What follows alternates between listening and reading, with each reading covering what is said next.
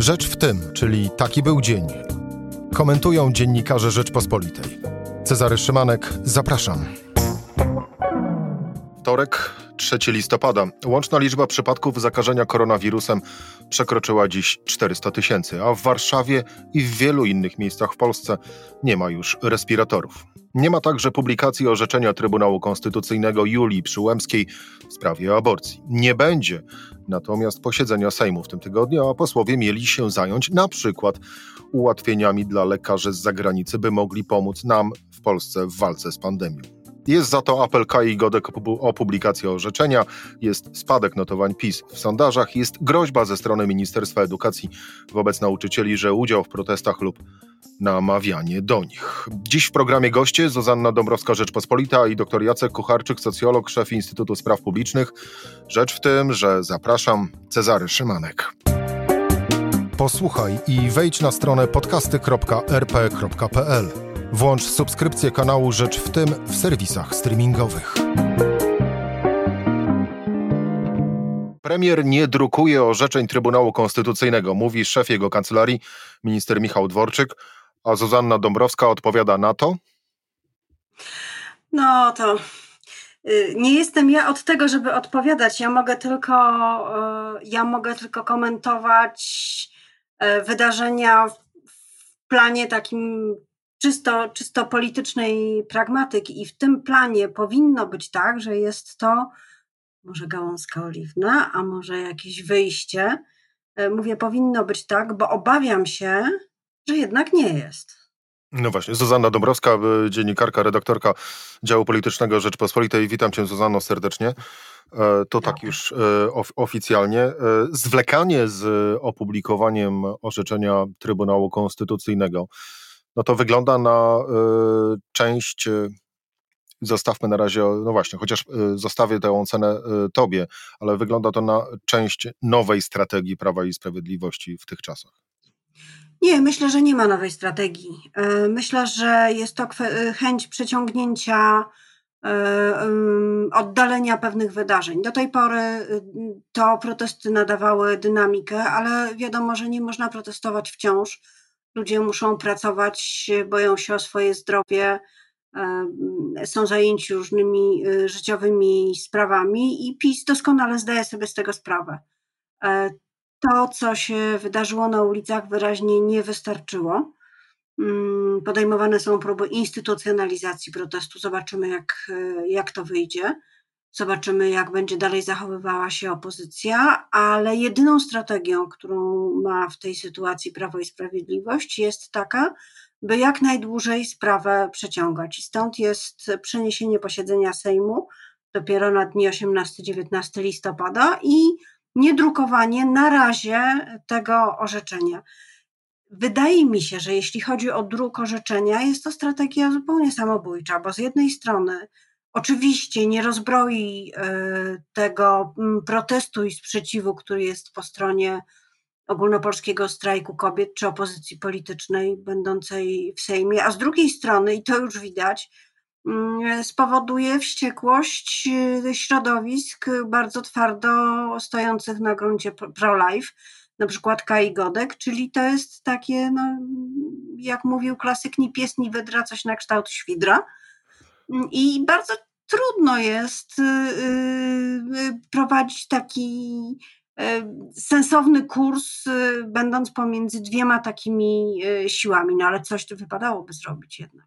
No właśnie, coś wypadałoby zrobić. Twarzą tego coś została była wicepremier Jadwiga Emilewicz. Ów projekt kompromisu, w cudzysłowie rzecz ujmując, e, czyli projekt ustawy zaproponowany przez prezydenta Andrzeja Dudę trafił e, do sejmowych, e, do sejmowych komisji. Tymczasem, jak sama wspomniałaś i ja zresztą na początku, Kaja Godek apeluje o jak najszybsze opublikowanie owego orzeczenia, a tymczasem to mignęło mi na Twitterze e, Tomka Sekielskiego, który e, nasłuchiwał Radia e, Maryja i Tomek pisze wprost. Na antenie Radia Maryja trwa ostra krytyka zarówno Andrzeja Dudy, jak i również Prawa i Sprawiedliwości i on konkluduje, no to teraz wszyscy rozumiecie, dlaczego nie ma tego posiedzenia Sejmu. No właśnie, no siedząc okrakiem na barykadzie, dostaje się od obu stron odłamkami i to jest bardzo niewygodna, bardzo niewygodna pozycja. W dodatku no, ta barykada nie jest nawet mocno broniona przez swoich. E, mówiłeś o misji Jadwigi Emilewicz, ale ta misja, wydaje mi się, skończyła się jeszcze zanim się zaczęła, dlatego że co prawda propozycja prezydenta jest złożona, ale prezes, jak, jak można usłyszeć nieoficjalnie, dał jej zielone światło tylko i wyłącznie pod warunkiem, że będzie skonsultowana ze wszystkimi klubami, że wszyscy wyrażą zgodę i że będzie to znakomicie przygotowane. Tym razem chciałoby się dodać. E, nie widzę takiej szansy. Nie widzę takiej szansy. Bo tak naprawdę y, można właściwie chyba już z góry założyć, y, że cała opozycja będzie przeciwko owemu projektowi. Tak, to już jest właściwie wiadomo. Więc właściwie żadnej misji byłej wicepremier nie ma, ona nie istnieje. Projekt jest i to jest. Mnie zastanawia to, że pewne inicjatywy są podejmowane przez władze, a potem nie są kontynuowane i nawet jeśli ktoś w nie uwierzył, to te osoby się potem traci jakby drugi raz. Czyli jeżeli osoby o bardzo kompromisowym, centrowym nastawieniu, szukając jakiejś nadziei, uwierzyły w te intencje dobre prezydenta, zresztą wsparte przez pana premiera, to przez to, że cała sprawa się nie uda, a prezes i wicepremier Jarosław Kaczyński dał warunek niemożliwy właściwie do spełnienia, no to znowu te osoby będą rozczarowane. Co mogłoby zrobić PiS? No PiS mogłoby tym, tą swoją wizją próbować e, zachęcić przynajmniej własnych wyborców, którzy jak pokazują sondaże, e, odchodzą w, taki, w takie na razie zawieszenie. Taki rośnie grupa niezdecydowanych, rośnie też grupa tych, którzy nie chcą iść na wybory, więc choćby ich mógłby próbować odzyskać, ale nie próbuje. No, to mnie rzeczywiście dziwi. Tymczasem e, z drugiej strony e, owej e, barykady wiele wskazuje na to, że do Sejmu może już niedługo wpłynąć, no bo zapewne podpisy zebrane zostaną bardzo szybko. Obywatelski projekt dopuszczający przerywanie ciąży. Jak no właśnie, jak oceniasz potencjalne losy takowego projektu w Sejmie? Też skazane na porażkę przy obecnym Oczywiście, układzie. oczywiście, ale yy, zgodnie z ustawą trzeba taki projekt yy, poparty przez obywateli wymaganą yy, liczbą głosów, trzeba go procedować w ciągu sześciu miesięcy od wpłynięcia. Więc ta debata, której PiS tak bardzo nie chce i tak w jakiś sposób się e, odbędzie. I to jest debata, która oczywiście nie przesądzi, bo PiS ma większość i Zjednoczona Prawica ma, e, ma większość i ma też prezydenta, który nawet gdyby się coś stało, chociaż to niemożliwe, ale gdyby, to może po prostu nie podpisać e, ustawy. Ale konsekwentne działanie, pokazywanie projektu i organizowanie debaty oczywiście pogłębia tę przepaść, jaka jest y, między Prawem i Sprawiedliwością, a rosnącą w siłę, można powiedzieć, taką grupą pokoleniową, grupą światopoglądową e, tych osób, które protestują i które się z protestem identyfikują, bo z powodu COVID-u przecież nie wszyscy, którzy się z tym identyfikują, wyszli na ulicę, więc jest to grupa znaczna i prawdą jest, że Prawo i Sprawiedliwość ma większość, wygrało wybory i było to niedawno, w 2019 roku. Ale prawdą jest to, że w sytuacjach trudnych e, i dynamicznych scena polityczna się zmienia i potrafi się zmienić bardzo głęboko. Dlatego perspektywa wyborów, nawet jeśli byłyby za pełne trzy lata, będzie dla PiS coraz e, trudniejsza. I taka debata nad obywatelskim projektem na pewno, e, na pewno PiSowi nie pomoże. Zuza, czy ty patrząc na e, scenę polityczną i próbując kreślić scenariusze na przyszłość, to masz w głowie, i również bazując na rozmowach z politykami, masz w głowie na poważnie scenariusz przedterminowych wyborów? Tak, oczywiście, że tak. Jest to w sumie dość, dość prosty mechanizm wiele zależy od sondaży i wiele zależy od prób, e, które będą się wewnątrz odbywały, odsunięcia e, ze stanowiska premiera Mateusza Morawieckiego, a wiemy dobrze, że Solidarna Polska i Zbigniew Ziobro właściwie o niczym innym nie marzą. Jest też grupa, która myśli o tym coraz śmielej, by taką polityczną emeryturę, a przynajmniej dystans złapał e, prezes Jarosław Kaczyński. Nie wiadomo, co tam się będzie e, odbywać. Sondaże, jeśli będą nadal spadać, bo to się może zatrzymać, ale jeśli będą nadal spadać, jeśli to będzie taka tocząca się kula, no to oczywiście będą potęgować te nastroje rozłamowe i tak, taką lekką panikę e, w stylu ratuj się kto może. To jest charakterystyczne dla bardzo wielu formacji, które, które w tej najnowszej historii Polski pojawiały się na scenie politycznej i mm, Także sam prezes Kaczyński doskonale zna e, ten moment i takie sytuacje. teraz od tego, jak będzie potrafił wyjść z odpowiedzią, jak będzie potrafił e, ogarnąć przede wszystkim własne zaplecze, no, no zależy ta, ta perspektywa. Przyspieszone wybory mogą się odbyć wyłącznie, wyłącznie w sytuacji rozłamu, rozpadu Zjednoczonej Prawicy.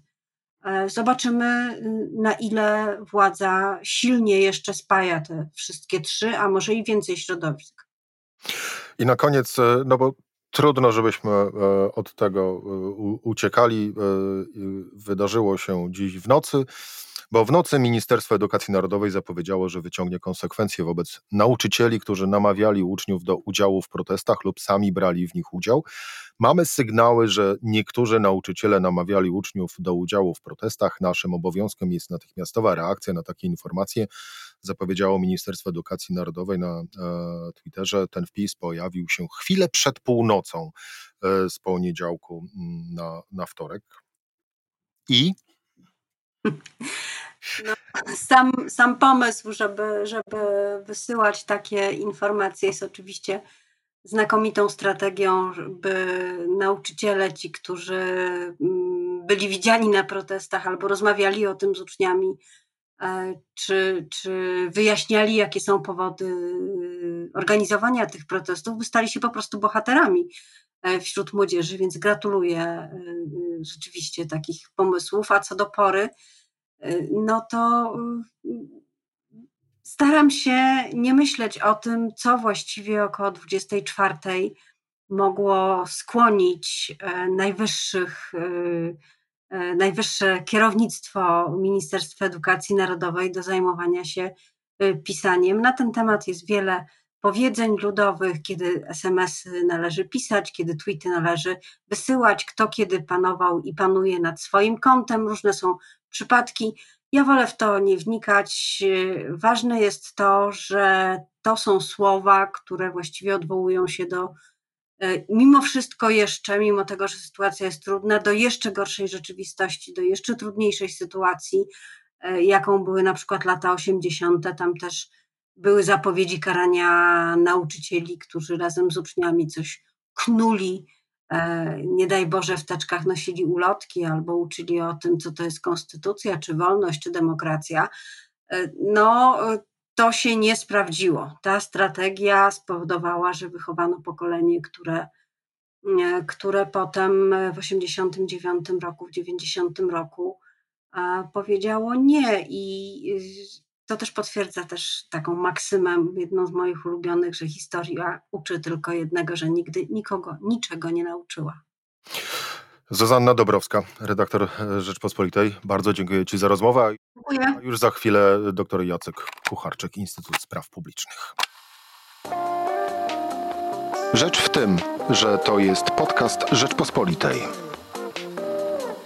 Publikowane ostatnio sondaże wszystkich właściwie ośrodków badania opinii publicznej pokazują wyraźny, bo około 10% spadek notowań Prawa i Sprawiedliwości łamane na Zjednoczona Prawica. Także w badaniu Ibris dla Rzeczpospolitej dziś opublikowanym tendencja ta jest dobrze widoczna.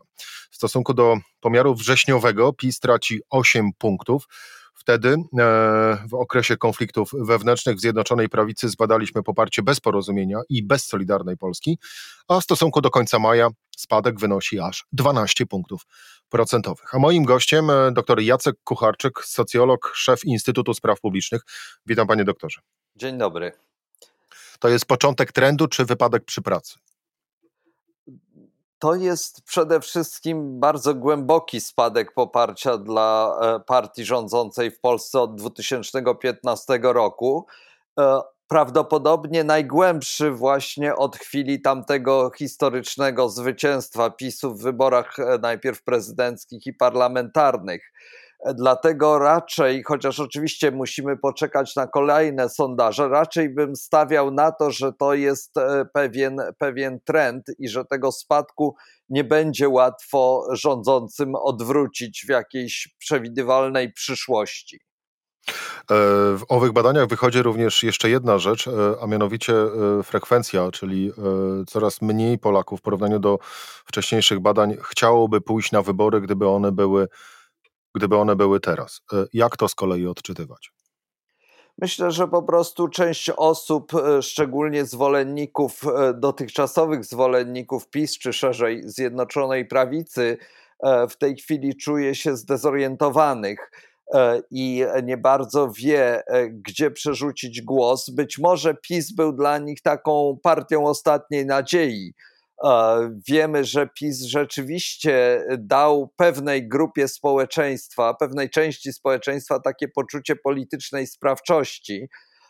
I teraz ci ludzie z różnych powodów rozczarowani e, rządami, rządami tej formacji nie tyle szukają, szukają kolejnego politycznego reprezentanta, co przynajmniej na jakiś czas e, odwracają się w ogóle od życia, od życia publicznego E, zapewne myśląc, że skoro, skoro PiS nie daje rady, to, e, to w ogóle trzeba postawić krzyżyk na polityce. Tak bym sobie e, tłumaczył, tłumaczył właśnie ten fakt spadającej, deklarowanej frekwencji wyborczej i poparcia dla PiSu jednocześnie.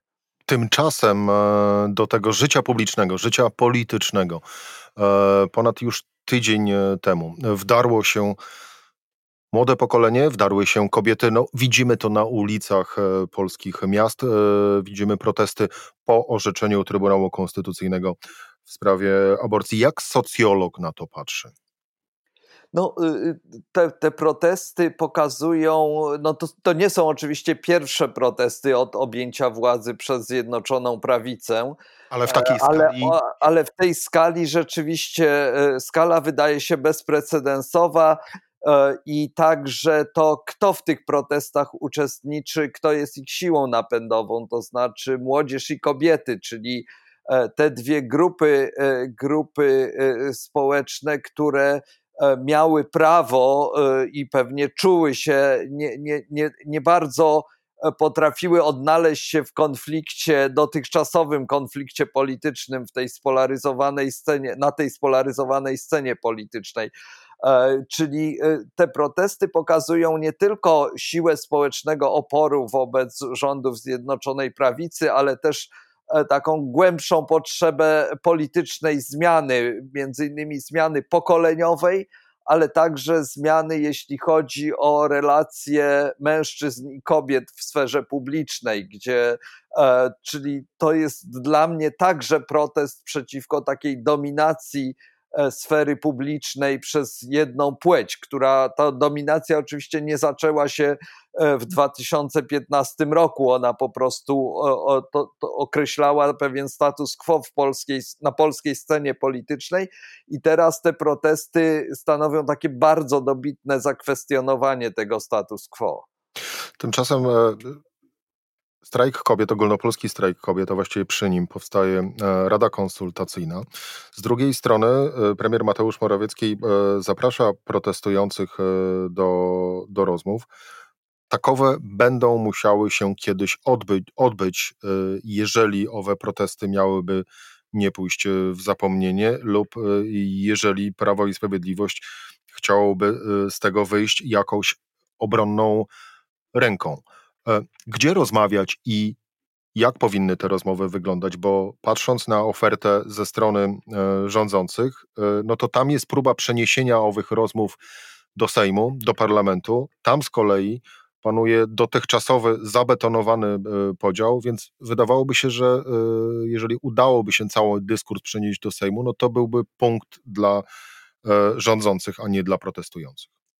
Tak, znaczy generalnie protestujący nie mają żadnego interesu ani powodu, żeby podjąć jakiekolwiek rozmowy z władzą. To znaczy, to hasło bardzo dobitne, niecenzuralne e, protestów e, pokazuje, pokazuje e, stosunek do obecnej władzy, do obecnej grupy można nawet powiedzieć szerzej, bo nie tylko do władzy, ale także na przykład do Kościoła katolickiego i różnych innych instytucji, które stoją za tą władzą. E, I ja sobie nie wyobrażam, żeby od e, protestów w tej formie i z takimi postulatami był jakiś pomost, jakieś przejście do rozmów czy negocjacji z tą władzą. To znaczy, protestujący nie oczekują od tej władzy zaangażowania w jakiekolwiek rozmowy, tylko odejścia. No tak, ale to w tym, I, momencie, w tym momencie, panie doktorze, mamy w takim razie bardzo no, sytuację patową aż do bólu, bo y, protestujący chcą odejścia władzy. Y, władza, no, bądźmy szczerzy, no, wybrana demokratycznie w wyborach y, rok temu, w 2019 roku, owej władzy przecież na żądanie protestujących nie odda jak z takiej sytuacji wyjść?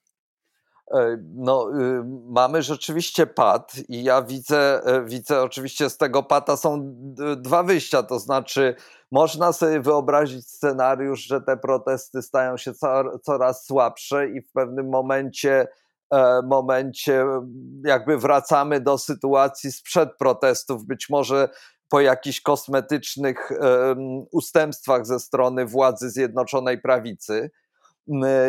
Natomiast ja nie sądzę, żeby to był prawdopodobny scenariusz. To znaczy, nie, nie sądzę, żeby te protesty łatwo e, dało się zneutralizować i e, te, tych protestujących, tę młodzież i te kobiety z powrotem zapędzić do domu albo e, przekonać do tego, żeby przestały się angażować w politykę. E, mi się wydaje, że te protesty w takiej czy innej formie będą jeszcze trwały przez e, długi czas i e, te obie strony rzeczywiście będą okopane, być może będziemy mieli do czynienia z pewnego rodzaju wojną pozycyjną. Natomiast, natomiast nie widzę takiego politycznego rozwiązania, rozwiązania tego kryzysu, którego przejawem są pre, protesty.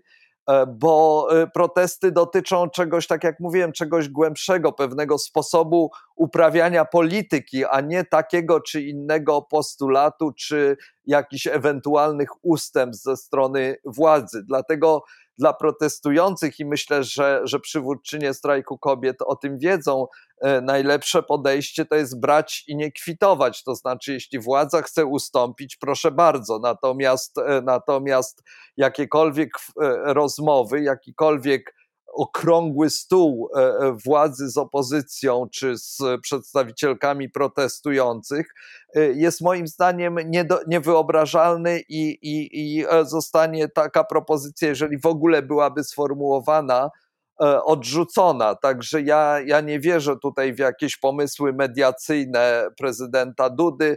Myślę, że to hasło, o, o, którym wspomniałem wcześniej, to dobitne hasło dotyczy w równej mierze prezydenta Dudy, co Jarosława Kaczyńskiego i, i całej obecnej elity władzy. Nie bardzo sobie wyobrażam, żeby e, te dwie strony w tej chwili zasiadły do jakichś rozmów, postulatów E, uzgodniły, uzgodniły jakieś ewentualne ustępstwa ze strony e, władzy i rozeszły się do domu. To tak się nie skończy. E, można by było to skwitować też dosyć popularnym powiedzeniem: kompromis jest wtedy, kiedy będzie po mojemu. I to zarówno w kontekście jednej, jak i drugiej strony. Ale wracając jeszcze do układanki na scenie politycznej i do komunikatów wysyłanych przez protestujących, to słowo, którego nie wymienimy i nie wymieniamy, e, dosyć często pojawiające się na e, transparentach, no, ja odbieram również, że jest kierowane tak na, e, także do opozycji. I to ona również jest jednym z adresatów tych postulatów i jednym z przegranych tej obecnej sytuacji. Z drugiej strony, to oczywiście rodzi dosyć duże pole do popisu, dla, mm, przepraszam za to stwierdzenie, mówię o popisie, e, dla nowych e, ruchów, to oczywiście od razu pojawiają się nazwiska takie jak Szymon Hołownia i Rafał Trzaskowski, ale to wcale nie oznacza, że to mogą, e, mogą, być, mogą być oni. To właśnie, i tu stawiam kropkę i pytanie, czy to może być początek kompletnie nowej układanki na scenie politycznej? Nie, nie sądzę. Myślę, że ta, e, to, co wyłoni się z tych protestów, będzie jakąś kombinacją starego i nowego. I e, dla opozycji ten protest, oczywiście on może być kłopotliwy pod różnymi względami, e, natomiast jest chyba jednak pewną szansą, którą opozycja może wykorzystać i przełożyć na pewien kapitał polityczny, jeżeli dobrze podejdzie do tego, do tego e, protestu e, i do liderek strajku. To znaczy, myślę, że i zresztą chyba i Hołownia, i Trzaskowski o tym wiedzą, że, że nie, nie warto iść na konfrontację z protestującymi.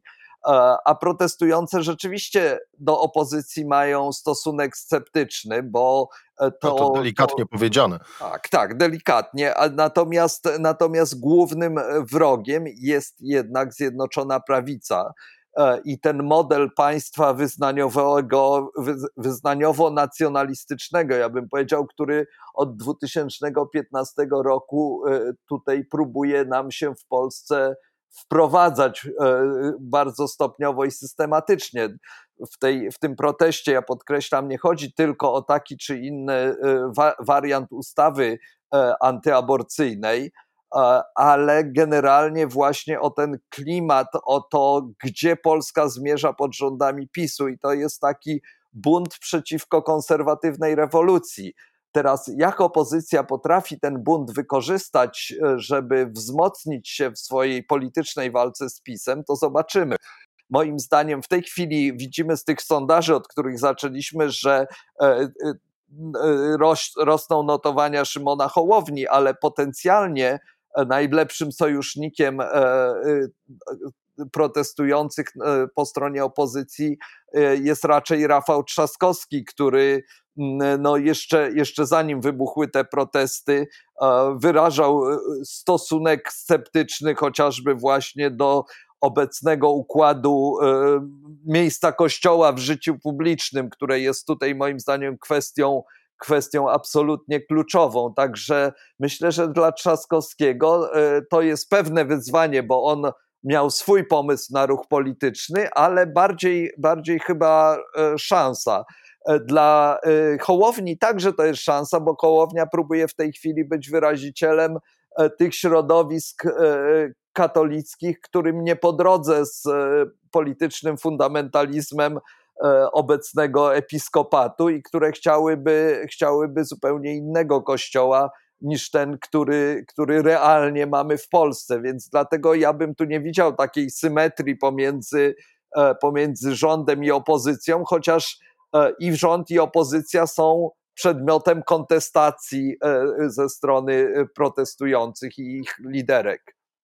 A owa kontestacja na ulicach obecnej rzeczywistości zapewne będzie trwała jeszcze przez kolejne tygodnie. Doktor Jacek Kucharczyk, socjolog, szef Instytutu Spraw Publicznych. Bardzo dziękuję za rozmowę, panie doktorze. Dziękuję bardzo. A to była wtorkowa audycja Rzecz w tym. Cezary Szymanek, do usłyszenia jutro o tej samej porze, czyli o godzinie 17.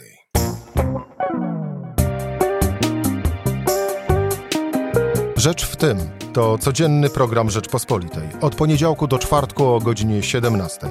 Wejdź na stronę podcasty.rp.pl, włącz subskrypcję kanału Rzecz w tym w serwisach streamingowych. Cezary Szymanek, zapraszam.